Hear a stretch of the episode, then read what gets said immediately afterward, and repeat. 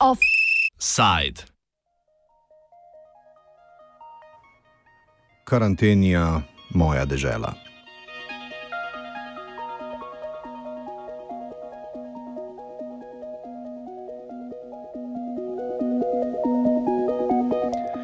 Že enajsti dan epidemiološka služba Nacionalnega inštituta za javno zdravje, krajše NIZ, ne sledi več visoko tveganim stikom okuženih z novim koronavirusom in za nje več ne predlaga karantene. Epidemiologi zaradi preobremenjenosti, posledice povečanega števila okuženih, ki še narašča, o pozitivnem testu namreč uspejo obvestiti le še okužene. Vsak izmed njih pa mora o okužbi na to sam obvestiti vse, s katerimi je bil v stiku. Sistem samoobveščanja, če si privoščimo to vrstno poimenovanje, je vodja strokovne posvetovalne skupine pri Ministrstvu za zdravje Bojana Beovič v včerajšnjih odmevih komentirala sledeče. Še vedno je zamejevanje z karantenami smiselno nekako na individualni ravni. Če veste, da ste bili, bili v takem kontaktu, imate možnost, da se osamite in, in prejmete za to nadomestilo. V Sloveniji je zdaj vzpostavljen tak eh, postopek. Eh, torej, eh, pričakujemo pa, da bodo ti vsi splošni ukrepi, ta ogromen val epidemije, ki je trenutno prisoten v Sloveniji, toliko zmanjšali, da bo na eni strani seveda možna eh, uspešna uh, učinkovita obravnava vseh bolnikov, COVID in ostalih, in pa na drugi strani, da bo spet možno to učinkovito zamejevanje z karantenami uh, visoko uh, tveganih tesnih stikov obolelih. Na ta način bomo še dodatno zmanjšali epidemični val. Ampak na to seveda moramo najprej počakati, najprej morajo prijeti ti splošni ukrepi. Wow!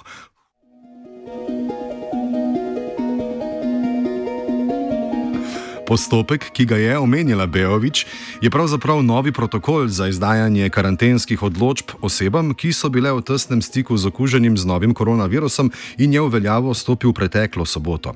Kot pojasnjuje Vesna Kerstin Petrič, vršilka dožnosti generalnega direktorja direktorata za javno zdravje na Ministrstvu za zdravje, so bili naraščanja pa tudi zaradi naraščanja števila okuženih prisiljeni, da spremenijo način izdajanja odločb o karanteni na domu odločbo o karanteni na domu ni več uh, in sicer zato, ker epidemiologi zaradi naraščajočega števila okuženih zdaj lahko v tej fazi epidemije kontaktirajo predvsem okužene, se z njimi pogovorijo in jim dajo navodila, kako naj obveščajo njihove kontakte. Torej, epidemiolog ne, ne more več vseh kontaktov sam kontaktirati, ne, teh so bili v stiku z okuženo osebo in jim dati navodila. Zato se je sistem spremenil. In uh, tudi ni več uh, odločb. Odločbe zahtevajo uh, pač po zakonu o upravnem postopku, je to zahteven postopek. Mi smo že štev, uh, kar veliko število zaostankov, ljudje niso stvari pravočasno dobili, gre pa za, predvsem za to, da ljudje dobijo v roke, če že ostanejo doma, tako kot se itak priporoča v karanteni, tako imenovani karanteni na domu, da dobijo v roke nek dokument, s katerim lahko potem uveljavljajo nadomestilo za iz, do, dohodek. To je ključno, zakaj se je ta sistem spremenil. Ok. Protokol je zasnovan tako, da oseba, ki jo okuženi po navodilu epidemiologa obvesti, da je bila v tesnem stiku, ponavljam, Protokol je zasnovan tako, da oseba, ki jo okuženi po navodilu epidemiologa obvesti, da je bila v tesnem stiku ali pa je obvestilo o tesnem stiku dobila prek aplikacije Ostani zdrav, ostane doma in ravna kot da je v karanteni. O tesnem stiku na to obvestilo delodajalca. Um, Kako poteka nadaljni postopek? Sistem zdaj poteka eh, malo različno za različne entitete in sicer za te večje delodajalce, ki imajo tudi um, dogovor z um, specialisti medicine dela da za njih delajo in jim tudi pomagajo pri organizaciji procesov, da bi ne pri, zdaj v tem času sicer jim seveda tudi pomaga z naslova uh, varstva uh, pri delu ne, ampak zdaj v tem času pa tudi iz naslova obvladovanja prenosa okužb. Z njimi imajo uh, dogovor in z njimi uh, bodo presodili, ali delavci, ki so bili v stiku, torej ne okuženi, te ostanejo doma v vsakem primeru, ampak ali delavci, ki so bili v stiku, zdaj ostanejo doma v tako imenovani karanteni na domu ali pa se vendarle lahko pod nekimi pogoji zagotovi delo od doma oziroma tudi delo na delovnem mestu, če je mogoče zagotoviti, da ne bo prišlo do prenosa okužbe, niti takrat, ko bodo delali in niti na pri, o prihodu in odhodu z delovnega mesta. Delovnega mesta! Delovnega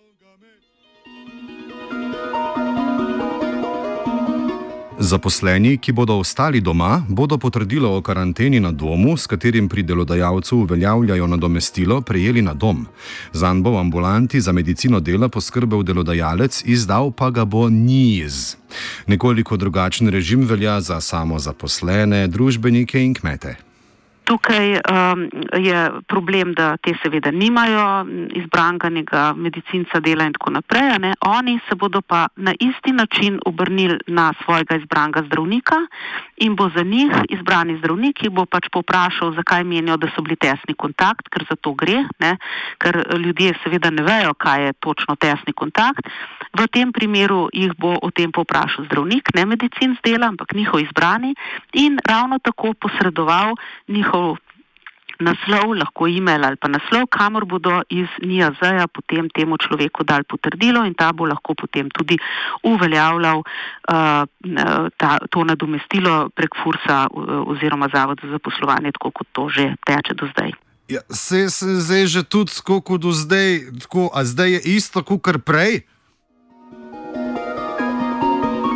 Kristin Petrič povdarja, da naj zaposleni vlogo za nadomestilo odda, še preden prejme potrdilo oziroma odločbo o karanteni, saj lahko vlogo kasneje še dopolni s tem ustreznim dokazilom. V teh primerih je ključno eh, vedeti to, da se vloga za nadomestilo da tudi, če še nimaš v roki potrdila oziroma odločbe. Eh, pravočasno in uh, to več o tem vam bodo verjetno znali povedati na delu, ampak nas so upozorili, da je to zelo pomembno, da ljudje vejo, da je treba vlogo za nadomestilo dati, ne glede na to, imaš ti te papirje že v roki, ker potem, uh, ko je vloga uročena, postopki stečejo in vas bodo naknadno pozvali za dopolnitev vloge z potrdilom in z to karantensko odločbo ali ali in tisto, kar ste pač dobila. Ne? In zato pri nas zdaj res res hitimo, da bi vse te karantenske odločbe sprocesiral po možnosti še ta teden in seveda tudi se na njih zatrudijo, da bi z eh, sistem s potrdili res zalaufal že danes oziroma jutri. Ja, samo včeraj je bil tudi dan. Protokol predvideva tudi retroaktivno delovanje. V času, ko se oseb, ki so bile v tesnem stiku z okuženimi, ni iskalo in se za njih tako ni moglo predlagati karanten, je marsikdo, ki je ravnal odgovorno, v soglasju z delodajalcem ostal doma. Ali pa je bil, če soglasja ni bilo, zato da je ostal doma, primoran izkoristiti dopust. Zato je bilo tudi dogovorjeno, da lahko za, potrdil, eh, za potrdilo zaprosi delodajalec tudi za delavca, ki je ostal pred tem časom, skratka od 1. oktobra naprej doma, zato ker je seveda pomembno, da so delavci ostali doma, to, to se tudi pričakuje, če ni bilo možno delovnih procesov organizirati drugače in se bo tudi za te delavce s potrdilom uveljavljalo to nadomestilo in potem seveda je, eh, potem je seveda eh, tisti, ki še niso dobili odločbe do 24. tega meseca, smo še vedno izdajali odločbe ne, in imamo zaostanka uh, nekih 8000 odločb, zdaj seveda bo, smo zelo pospešili uh, tudi te procese za izdajo teh odločb, tudi te bodo dobili seveda povrnjeno oziroma bodo lahko vložili vlogo za povračilo oziroma nadomestilo za uh, dohodek. Jaz sem tudi že skozi doma, odkar sem doma, tudi, tudi hočem nadomestilo za doma. Uspešnost delovanja protokola je v kratkem času, odkar je ta v veljavi, brško ne preuranjeno ocenjevati. Tatjana Čerin, izvršna direktorica Gospodarske zbornice Slovenije, opozarja, da se zna pri protokolu zatikati ne zaradi protokola samega, temveč zato, ker bo razgrnil nekatere že predepidemične težave.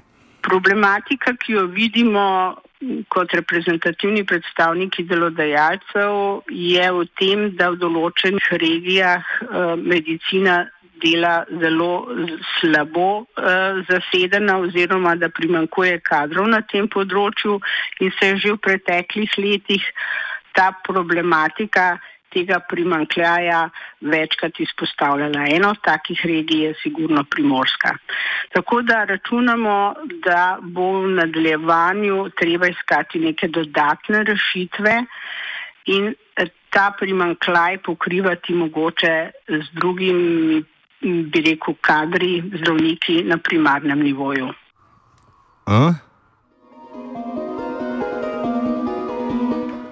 Protokol za izdajanje karantenskih odločb osebam, ki so bile v tesnem stiku z okuženim, je še eden v vrsti ukrepov za omejitev širjenja novega koronavirusa, s katerim naj bi bil po ocenah inštituta Jožef Štefan okužen že vsak 30. prebivalec Slovenije je ukrep, s katerim se stanje poskuša sanirati, ker je škoda že narejena. O tem, kaj je šlo narobe, da se slovenska trobojnica kar naenkrat pojavlja na tabelah držav z najhitrejšo rastjo okužb na svetu, smo se pogovarjali s profesorico dr. Majo Ravnikar z Nacionalnega inštituta za biologijo.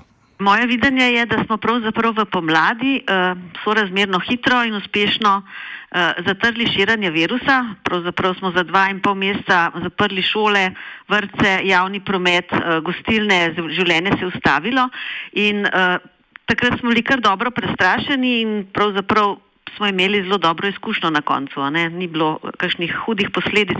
Potem seveda je prišlo uh, poletje in zmanjšanje, zmanjšanje uh, števila okuženih, uh, aktivnosti se, se, so se preselile na, na prosto, kar je zagotovo pripomoglo zmanjšanjem širjenju in potem je zavladala neka sproščenost in do, dobra izkušnja.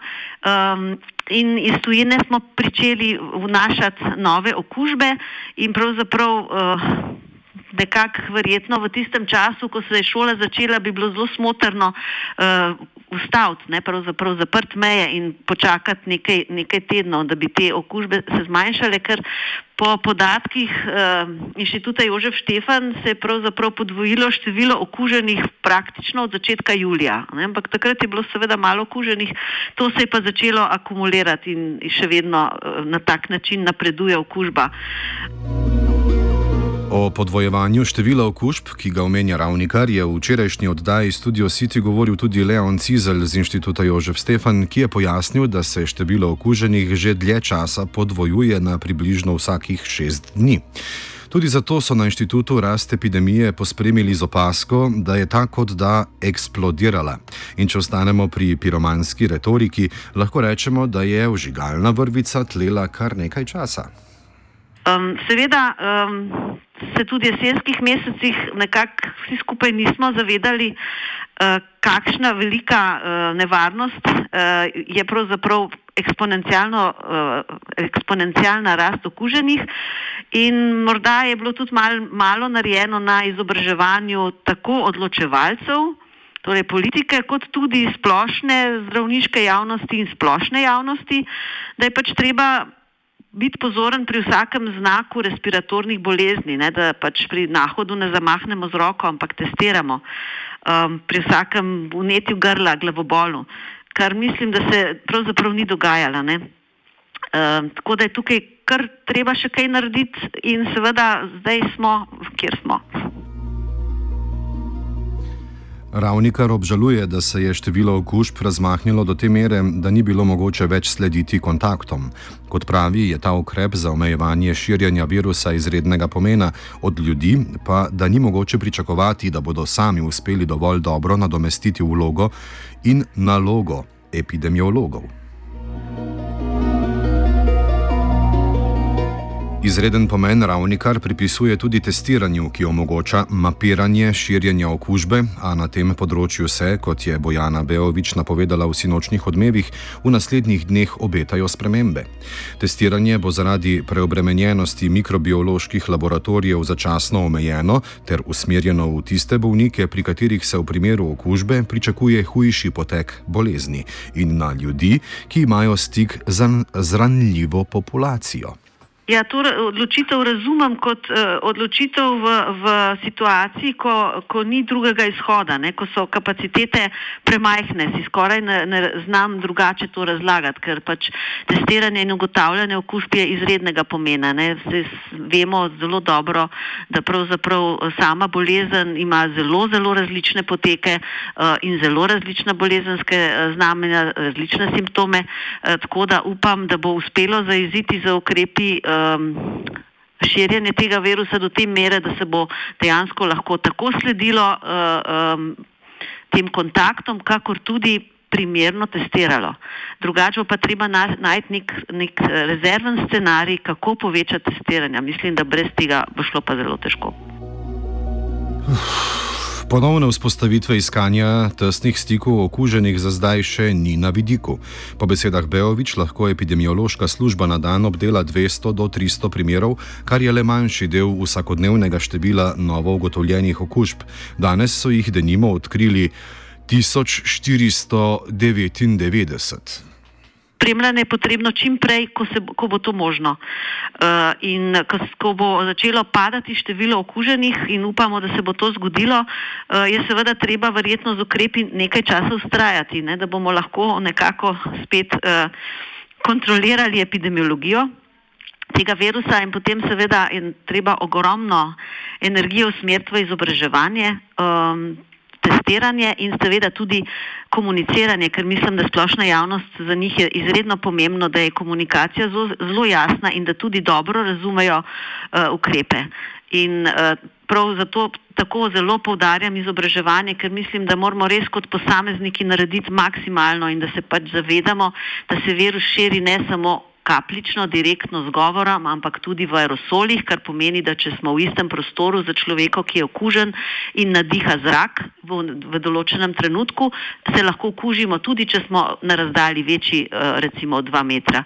Da virus ostane uh, okužen tudi na površinah, kar pomeni, da je res treba biti zelo, zelo pozoren uh, na, na higieno rok, pa tudi ko, konec koncev na posodo, ki jo uporabljamo, ne, recimo v službah. Ne, to je zelo, zelo zelo kritično, da um, čim manj pijemo in jemo, oziroma imamo pod kontrolo um, svoje, svoje šalčke, recimo krožnike, karkoli pa že. Premijer Janez Janša je kot možnost po evropskem vzoru Slovaške sicer omenjal testiranje celotnega prebivalstva s hitrimi testi, zanesljivost katerih pa ni takšna, kot je s tako imenovanimi PCR testi. Že sedaj pa na Inštitutu za biologijo analizirajo odpadno vodo v čistilnih napravah. Bolni namreč virus izločajo tudi z blatom, analiza odplak pa nam lahko da grobo sliko poteka epidemije v populaciji. Opazili so, da se je v manj kot enem mesecu količina virusa virusa v vzorcih povečala za več kot stokrat.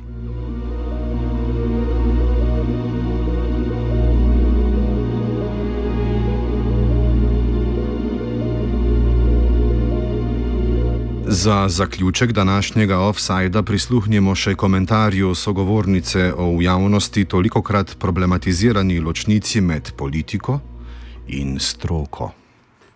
Ja, moj komentar za konec bil pa tak, ne, da pravzaprav v Sloveniji in tudi Evropi in širše uh, ugotavljam, da je pravzaprav na nek način kapital zmaguje nad um, stroko, nad znanjem, uh, da pravzaprav um, ne more denar rešiti vsega in da ta trend, ki se kaže že pred COVID krizo, pravzaprav že kar nekaj časa, eh, da je stroka zelo malo poštevana in da politika veliko krat ne razume, kaj se v življenju pravzaprav dogaja, da je to nekaj, kar bi bilo treba spremeniti na dolgi rok, to je pa že druga zgodba. Druga zgodba. Druga zgodba. Zatorej še dobro, da imamo v Sloveniji jasno postavljene prve zgodbe, prioritete. Ali kot je dejal Janša, najprej življenja, potem zdravje in na to gospodarstvo. Pa je hierarhija res taka? Ne. Najprej, ja, offset je pripravil Fabian.